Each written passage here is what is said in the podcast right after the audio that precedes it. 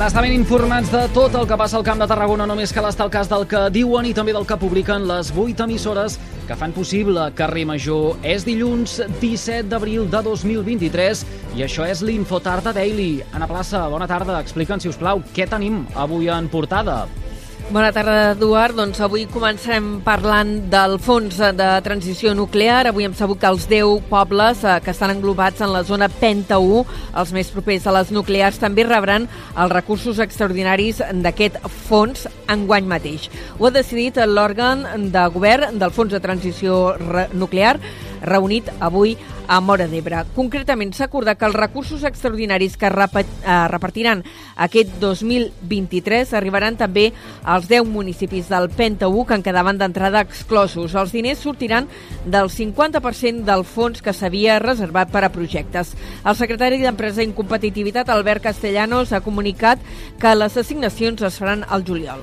La resta per projectes enguany, excepte aquelles quanties que vagin als municipis que estiguin a zona Penta 1, que rebran, i que no estiguin a cap a zona d'afectació Penta 2, que rebran una quantia igual al que reben els municipis de Penta 2. Llavors sobraran una sèrie de recursos, perquè això serà una petita part, eh, de la resta del 50%, que aquests sí que aniran per projectes i que començarem d'alguna manera a distribuir o a fixar els criteris en el pròxim òrgan de govern que s'ha fixat pel mes de juliol.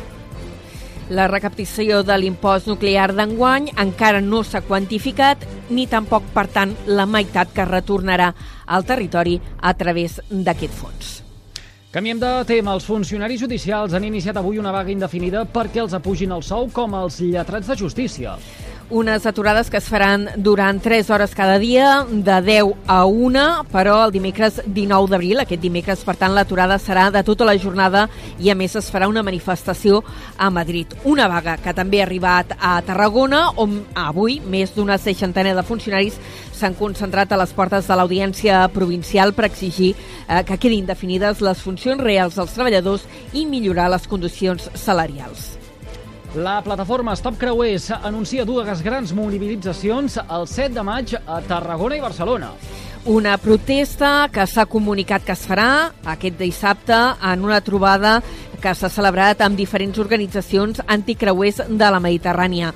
En aquesta trobada, que es feia, com dèiem, dissabte, i es feia a Barcelona, totes les entitats han posat en comú manifest per denunciar els impactes eh, ambientals que consideren inassumibles de l'activitat eh, creuerista i també les falses solucions tecnològiques que diuen que està esgrimint el sector. També han reclamat algunes mesures com la reducció progressiva de l'activitat creuerista, la posada en marxa de campanyes informatives i també aturar aturar les ampliacions dels ports destinades al sector creuers. I ara destaquem una dada. El 66% dels estudiants de màster de la Universitat Rovira i Virgili venen d'un altre centre.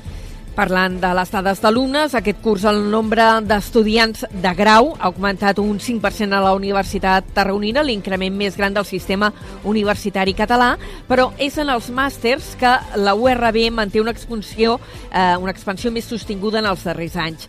Aquest curs s'han superat per primer cop els 2.000 inscrits en aquests cursos d'especialització. En una entrevista a Ràdio Ciutat de Tarragona, el rector de la URB, Josep Pallarès ha destacat la capacitat d'atracció d'aquesta universitat la capacitat d'atracció que tenim en quant a estudiants de màster i estudiants de doctorat, que també repeteix la mateixa situació, de cada tres estudiants de doctorat només un és estudiant màster o RB, eh, representa, doncs dona una idea aquesta competitivitat que tenim a nivell nacional, a nivell de graus, i internacional a nivell de màster. Paraules, com dèiem, del rector de la universitat a Ràdio Ciutat de Tarragona, on Pallarès ha manifestat que la universitat té la voluntat de continuar ampliant la seva oferta, però que es troba limitat per la manca de professorat. Una problemàtica que es preveu poder pariar eh, lleugerament amb la incorporació de 75 professors durant els pròxims 3 anys a través del pla de xoc presentat per la Generalitat. Carrer Major, la proximitat del Camp de Tarragona. I avui l'actualitat també passa per la reconstrucció històrica. Tarraco Viva ha presentat la programació del seu 25è aniversari. El certamen de recreació i divulgació històrica es farà a Tarragona del 8 al 21 de maig i enguany se centrarà en el funcionament, l'urbanisme i els habitants de Tàrraco. Un dels epicentres del festival serà la Necròpolis, coincidint amb el centenari de les excavacions de mossèn Serra i Vilaró, que va posar al descobert aquest jaciment. El director de Tarracó Viva, eh, Magí Seritjol, ha destacat la importància de la Necròpolis, un espai que és únic. Necròpolis és un dels espais principals del festival. Juntament amb, el Menat hem fet un, una col·laboració magnífica de coproducció i de, de, bueno, que hem estat un any treballant junts i el que farem serà la gent visita aquell espai i descobrirà dues coses. Una, que és una de les necròpolis, que ja, això ja ho sabia, una de les necròpolis paleocristianes més importants de l'Occident romà, i això, això ha existit, és així.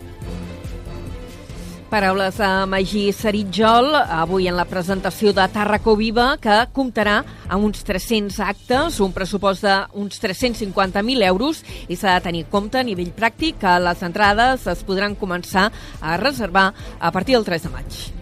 I la Setmana Medieval de Montblanc renova la representació de la llegenda de Sant Jordi. La festa se celebrarà del 21 d'abril a l'1 de maig, allargant-se enguany un dia coincidint amb la festivitat del Dia del Treballador. La llegenda comptarà amb nou guió, nova trama, música i, a més, una projecció d'un mapping. El primer passi de l'espectacle es farà el dissabte 22 d'abril a les 9 de la nit i totes les entrades, si teníeu ganes d'anar-hi, que sapigueu que ja estan exaurides.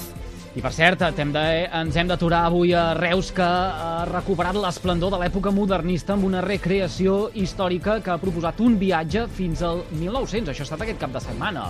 Doncs sí, ja dèiem que avui l'actualitat passa per aquesta recuperació de la memòria, moltes activitats de reconstrucció com les que s'han fet aquest cap de setmana en les primeres jornades 1900 que han nascut, coincidint amb el centenari de l'arquitecte Domènec i Montaner, però que tenen voluntat de continuïtat.